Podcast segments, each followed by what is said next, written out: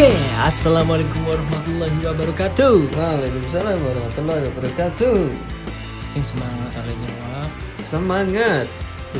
Assalamualaikum warahmatullahi wabarakatuh. Waalaikumsalam warahmatullahi wabarakatuh. Oke, suara kita sudah kayak voice over. Tapi masih kalah sama voice overnya apa? Eh, kereta api Indonesia dan Garuda eh Garuda Indonesia. oh, ya ya ya, aku ngerti, aku ngerti. Sing biasa ndek anu ya. Apa? Sing di Twitter ini lumayan ramai. Oh, ya. Oh. Ya apa suaranya nih? Pada ke oh. Pada perumpang segera datang. Oh iya iya iya iya.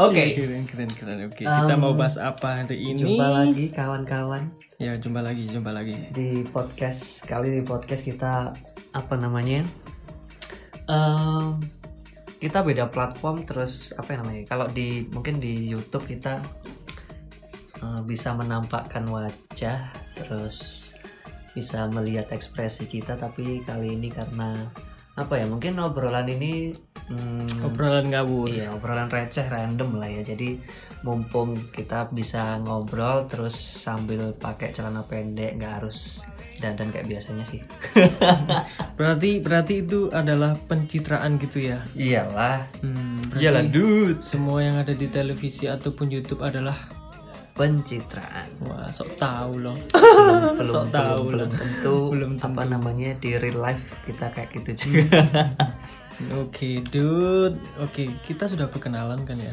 udah Udahlah, udah pasti tahu lah ya. Yang eh, saya sendiri itu namanya siapa? Anaknya bapak. Hmm, mau Solihin ngapain? Oh,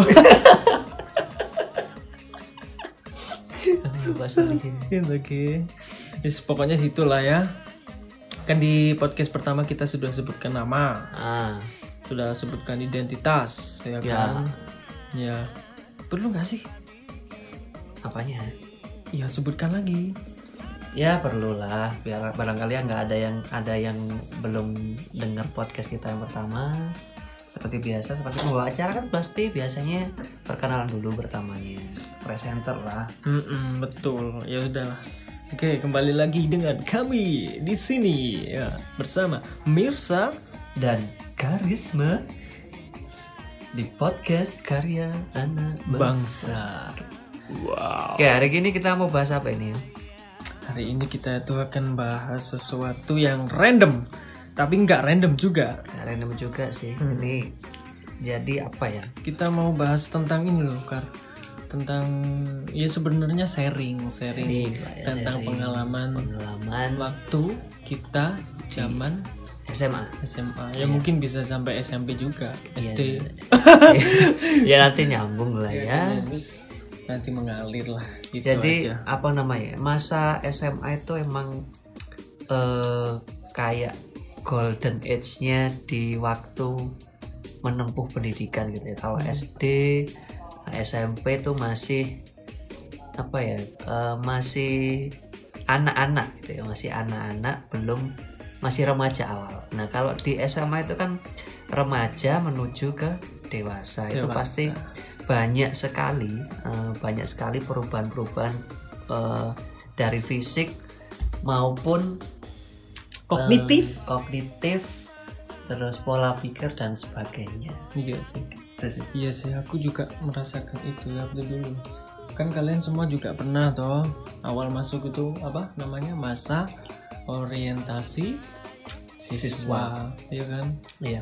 Nah, itu pola pikir kita mulai dibentuk dari situ. Mulai SMP ada MOS, Mm-mm. SMA juga ada MOS. ya? Nah, kalau orientasi itu apa sih sebenarnya untuk eh, misalkan saya mau masuk SMP atau SMA. Mm-mm. Nah, kayak gitu apa? Ehm, semisal eh, masa orientasi itu sebenarnya memang benar membentuk pola pikir atau hanya sebatas perpeloncoan?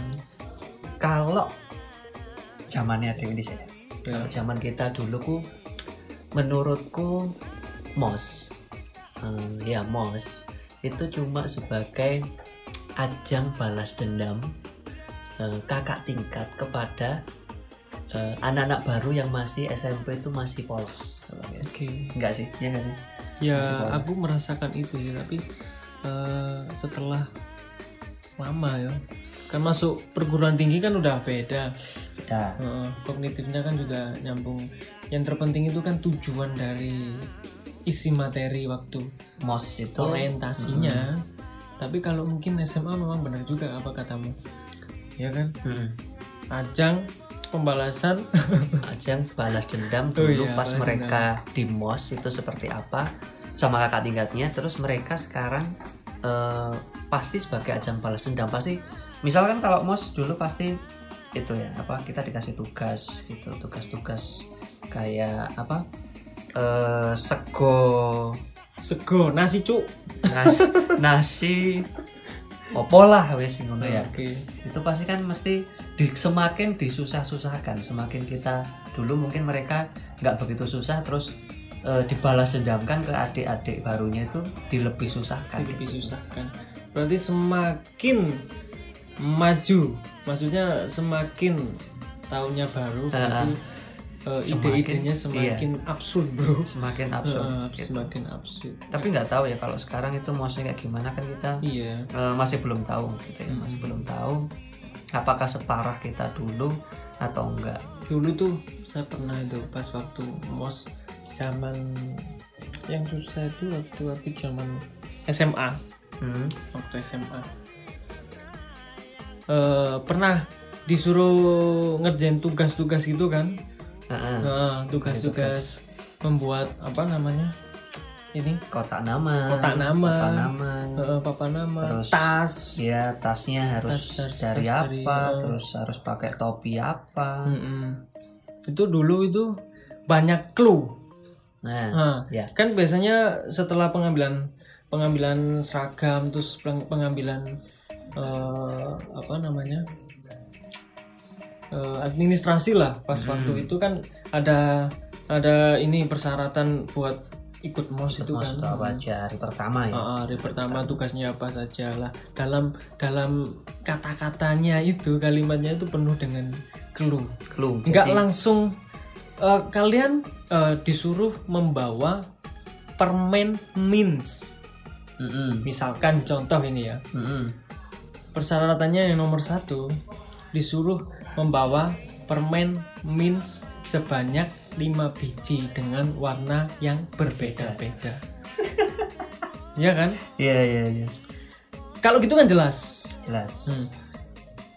itu dijabarkan itu dijabarkan Eh, bawalah permen yang rasanya eh, apa namanya seperti relaksa tapi bukan relaksa.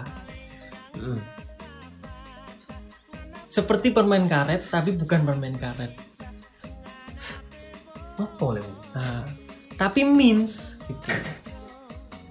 Yang lucu itu cuy pas pas aku pas aku aku bener waktu itu bawa permen mince apa itu namanya yang lebih baik dari pensil itu apa?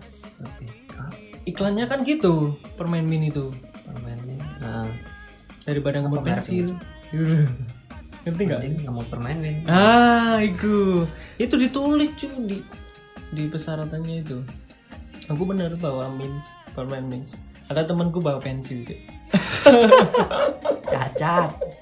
Sebenarnya banyak ya kayak em, dulu buat apa namanya buat makan pasti kan sampai siang sampai sore gitu ospek eh ospek ospek lah kuliah waktu mos itu makannya harus eh, ada warna putih terus merah kuning Ya. jadi menunya itu harus ada warna putih merah kuning bahkan apa ada warna ungu gitu nasi ungu lah apalah gitu Hmm. jadi apa namanya ya kalau dulu kita sebagai siswa baru itu pasti merasa kok sih terbebani ya Mm-mm, terbebani. gitu.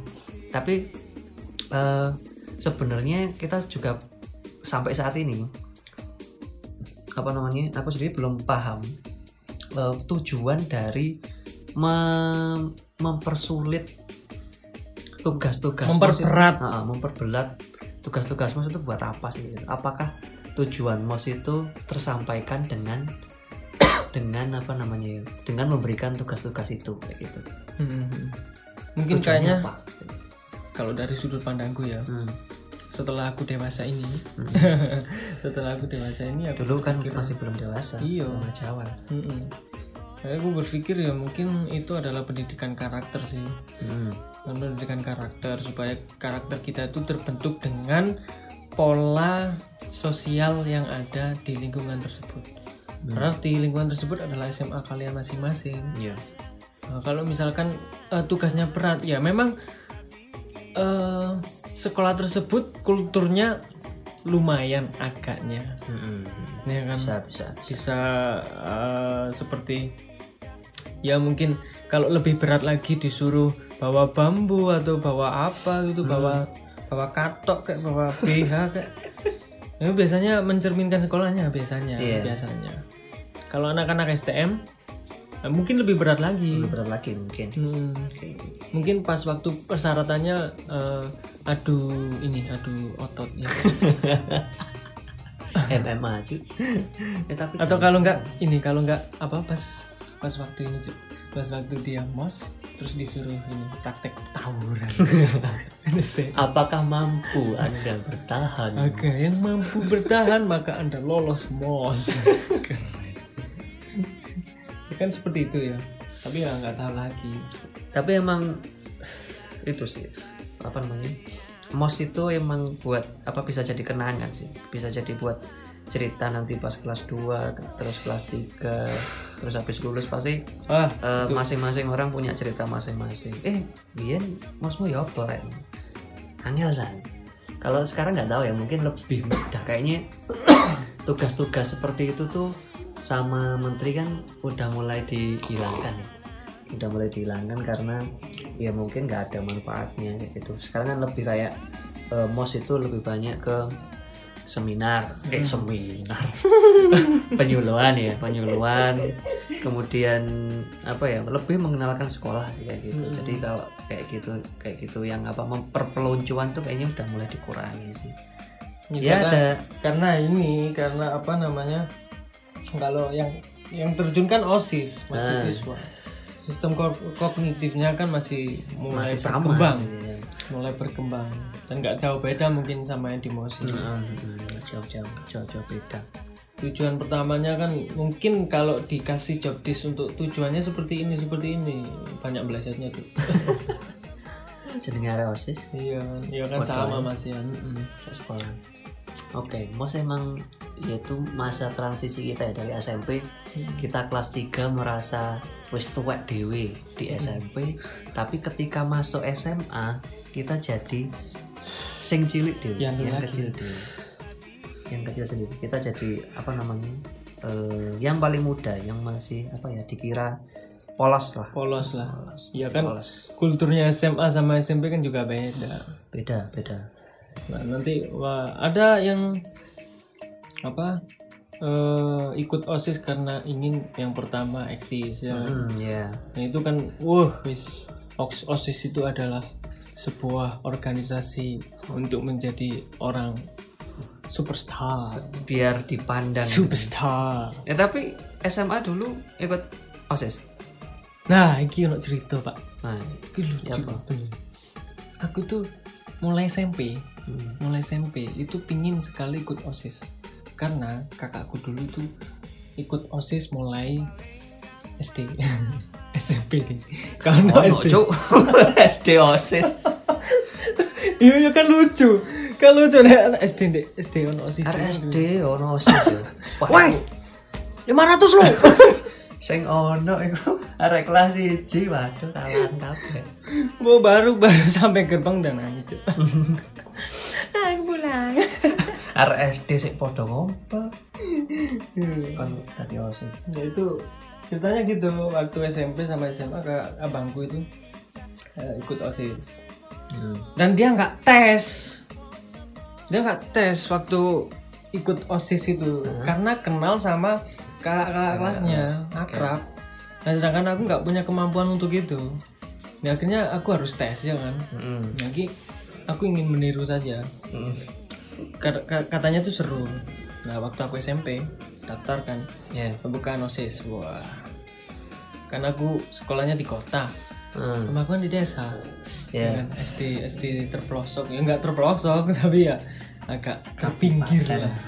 Kabupaten. Saat di sana Tapi tingkat dua. Mm-mm. Lah pas waktu di kota kan kulturnya sudah beda antara di pinggiran sama di kota. Iya. Aku masuk terus daftar OSIS. Lah waktu itu disuruh ngisi jabatan. Hmm. Sumber sumber yang aku eh, tanya-tanya setelah aku tanya-tanya ke teman-teman ke kakak-kakak gue kan. Aku tanya jabatan apa yang paling ideal di OSIS. Ah. Ya kan?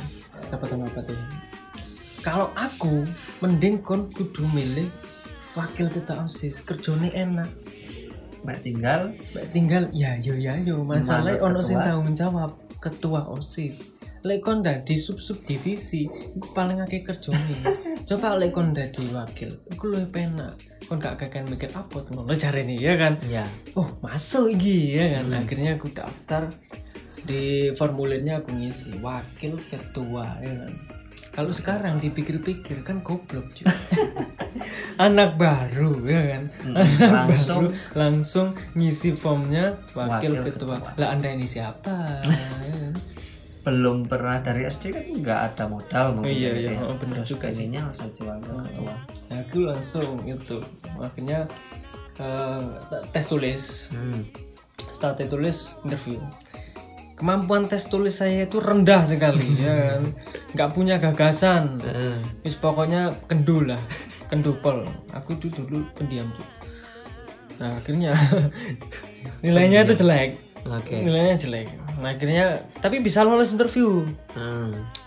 karena mungkin melas kasihan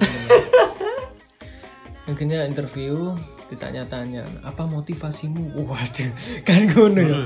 Apa motivasimu ikut osis karena saya jawabannya kan tetap satu ya. Ya. kayaknya sama semua. Ingin memajukan osis bla bla bla bla. Ingin memperbaiki yang lebih baik.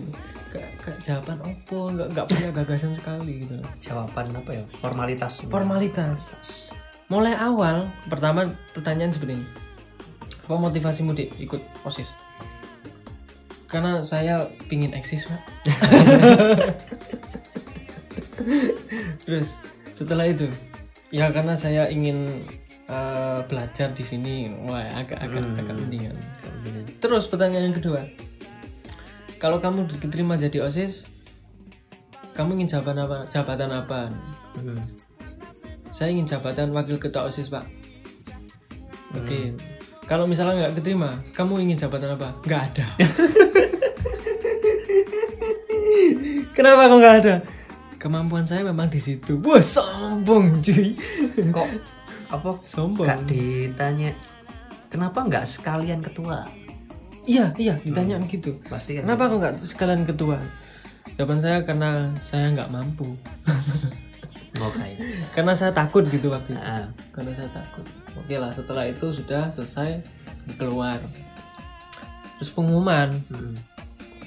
lah di sistem osis itu ada eh, kayak pemain cadangan gitu loh Ah. Nah, misalkan ada yang nanti percobaan selama satu semester kalau nggak salah itu Hmm. orang-orang yang keterima itu kalau misalkan melakukan kesalahan akan di reshuffle Oke. maka daftar yang di bawahnya yang apa itu namanya ya daftar tunggu lah Ah, cadangannya. Mm-mm, cadangannya itu bisa masuk sesuai divisinya. Oke. Nah sekarang kalau sesuai divisinya kan berarti aku harus mengisi kekosongan Iya, di divisi yang kosong itu. Enggak. Reshuffle kan aku lamarannya masuk ini wakil ketua. Ah. Nah kan nggak nggak mungkin bisa pak. Hmm. Hmm. Nah waktu itu selama satu semester ada yang di reshuffle. Aku tunggu aja. Nah gobloknya nunggu wakil ketua itu kan kayak nunggu sesuatu yang nggak pasti. Oke. ya akhirnya sampai aku lulus nggak pernah ikut osis. Nggak pernah ikut osis. Akhirnya masuk SMA juga. Daftar osis. Terus? Waktu itu daftar dua aku. Osis sama MPK Oke. tahu MPK Majelis Permusyawaratan Kelas. Betul. Ya kayak gitulah. DPR-nya SMA. MPR lah. Oh, MPR-nya ya. Hmm, MPR aku daftar dua-duanya. Aku pertama da- daftar osis ya kan? Masih sama dengan jawaban SMP kan? Tolol. Ketua kelas. Enggak. ketua kelas. Wakil ketua. wakil ketua. Wakil ketua. Tapi lebih saya perbaiki pas waktu interview. Nah kamu ingin jadi apa tik wakil ketua mas. Kalau misalkan nggak bisa di situ ketua osis kok munggah? Gak iso ketua. Eh gak iso ketua munggah. Kalau misalkan nggak nggak bisa jadi ketua osis ya apa saja yang penting bisa masuk osis. Desperate kayak pasrah lah semacam pasrah. Nah akhirnya setelah pengumuman dipanggil lah yang nggak keterima keterima ini disarankan. Mendingan kamu ikut MPK deh kenapa? Karena kamu mempunyai gagasan yang pas untuk MPK gitu katanya wah aku kan tersanjung apa ya kan. gagasan? Keren nih gini MPK-nya kapan pak? Ya setelah ini. Akhirnya aku daftar MPK juga. Daftar MPK nah waktu daftar MPK itu ternyata perwakilan kelas. Oh. Itu harus voting kelas. Jadi nggak interview. Berarti anda terpilih menjadi MPK berdasarkan voting dari kelas masing-masing. oke. Nah waktu itu ya kayak pemilihan gitu. Janji-janji katanya janji. Tinggal janji gitu. Eh, kalau nggak janji nggak mana. Kalau nggak janji nggak menang mama yo mama yo mama yang mama yang gitu. Tapi aku nggak kepilih jadi ada daftar. waktu masuk SMA eh, waktu masuk kelas. Nah itu udah ada perwakilan dari MPK itu masuk kelas. Adek siapa yang ingin menjadi anggota MPK nanti kita musyawarahkan bentuk organisasi baru. Maksudnya bentuk eh, anggota baru. Anggota baru. Silsilah baru gitu sisa organisasi. Nggak ada yang ngacung ya kan? Aku nggak berani cuk mau ngacung ya teman-temanku nggak ono sing ngacung. Terus? Ayo masa nggak ada yang mau ngacung gitu? Heeh. akhirnya ada temanku satu. Heeh. ngacung. Dua tiga empat lima. Lama-lama banyak. Hampir satu kelas ngacung oke sekarang kita voting. Voting. Dan akhirnya merujuklah sampai tujuh besar. Heeh. ada ada ada nama-nama itu tujuh besar yang pertama lah aku itu di kelas jadi wakil ketua kelas. Heeh. ketuaku ikutan maju. Heeh. wakil bendahara sekretaris itu ikutan maju. Ada empat eh, di organisasi itu ikut maju. Lalu yang lain ada teman-teman biasa. Setelah di voting tujuh anak ini yang paling eh, yang paling eh, yang paling banyak suaranya akan diambil itu dua dua suara terbanyak. Heeh. jadi eh, setiap kelas ada dua. Saya nggak ada yang milih.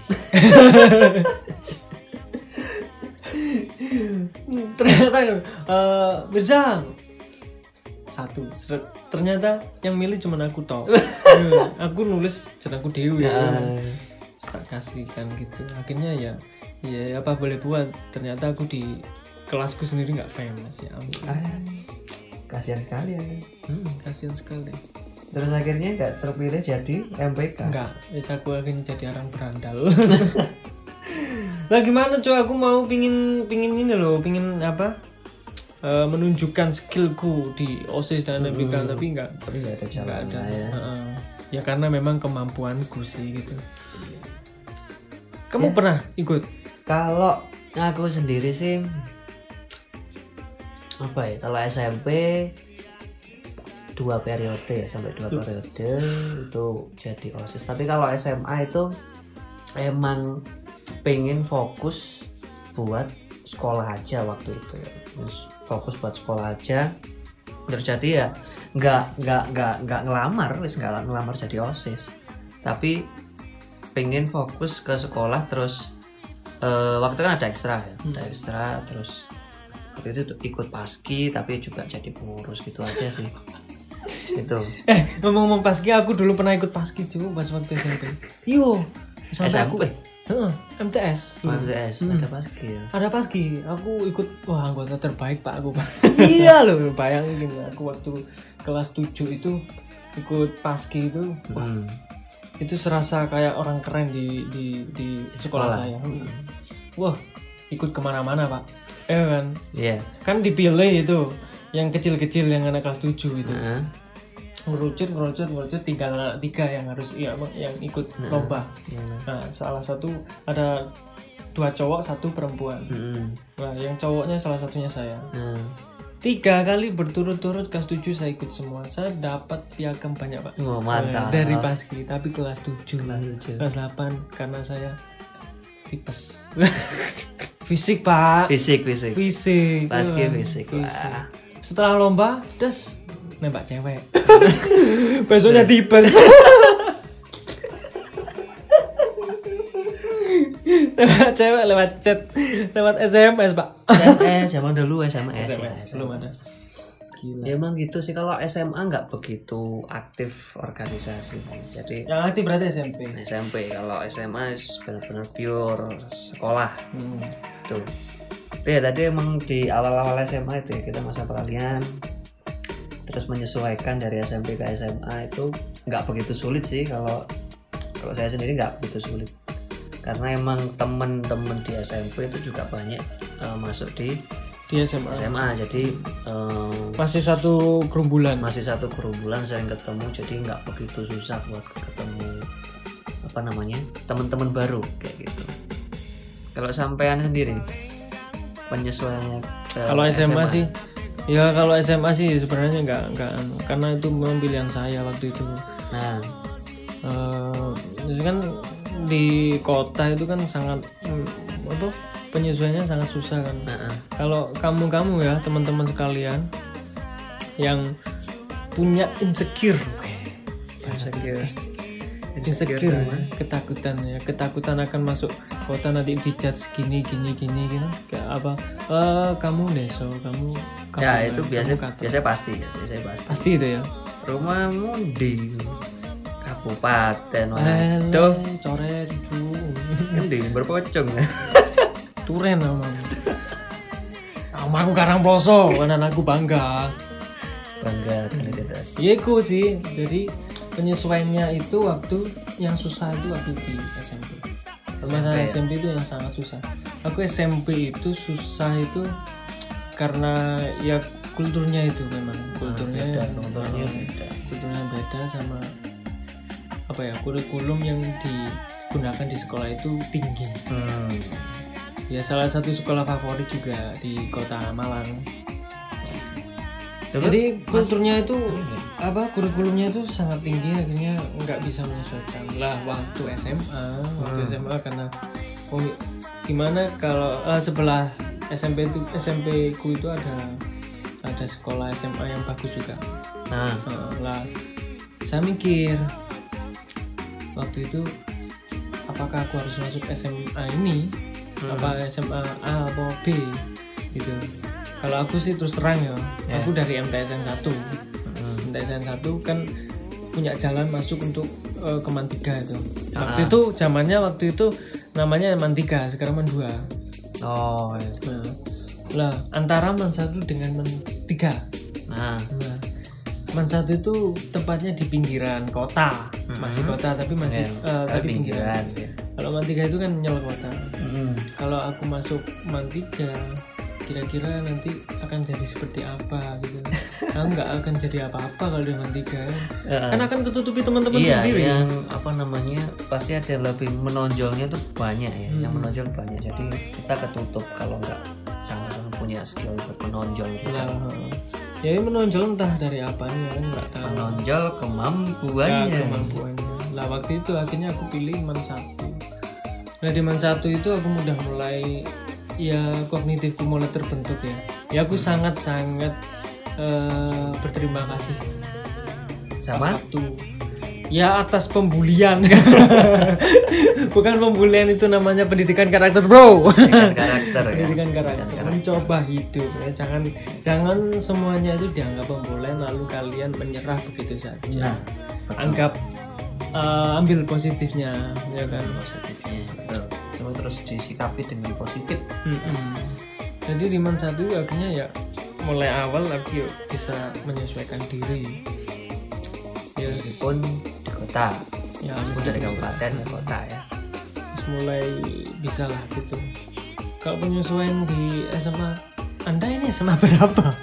Kalau saya tuh SMA emang desa ya di SMA kabupaten. Dulu tuh pengen banget masuk di eh, salah satu SMA di kota saya itu yang bonafit gitu ya. Tapi emang jaraknya dari rumah itu jauh lumayan jauh. Dan pada waktu itu eh, sepeda motor itu sesuatu hal yang nggak kayak anak sekarang ya. Kalau anak sekarang SMA kelas 1 itu udah dipegang motor sama orang tuanya terus boleh ke sana kemari meskipun nggak punya SIM. Tapi kalau saya dulu tuh terus terang orang tua nggak tega nggak tega. Jadi ya wes lah sing cedek-cedek ae. Meskipun pakai motor ya dekat gitu. Jadi orang tua masih tega. Jadi ya pengennya masuk ke SMA Bonafit itu. Terus habis gitu apa namanya wes dek kene yang dekat rumah.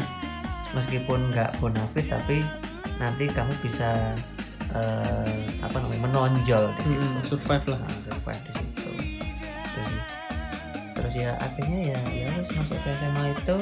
Terus sekarang ya jadi SMA yang lumayan di kota saya gitu. Kabupaten sih. Eh, eh, di kabupaten. di Woi, ya, di rumahmu kabupaten, kabupaten woi. saya. Oh. di kabupaten saya ya lumayan lah. Udah apa ya kalau dulu itu kan ada namanya RSBI SSN Ah, gitu. oh, Terus benar-benar. sekarang ya udah bisa bersaing lah sama karena ada sistem zonasi juga kan sekarang. Jadi eh, merata merata gitu. Ya sudah ya kalau gitu kita ya. akhiri. Saya Mirsa. Dan saya Karisma. Dengarkan tunggu podcast podcast kita selanjutnya. oke salam satu aspa. Wassalamualaikum warahmatullahi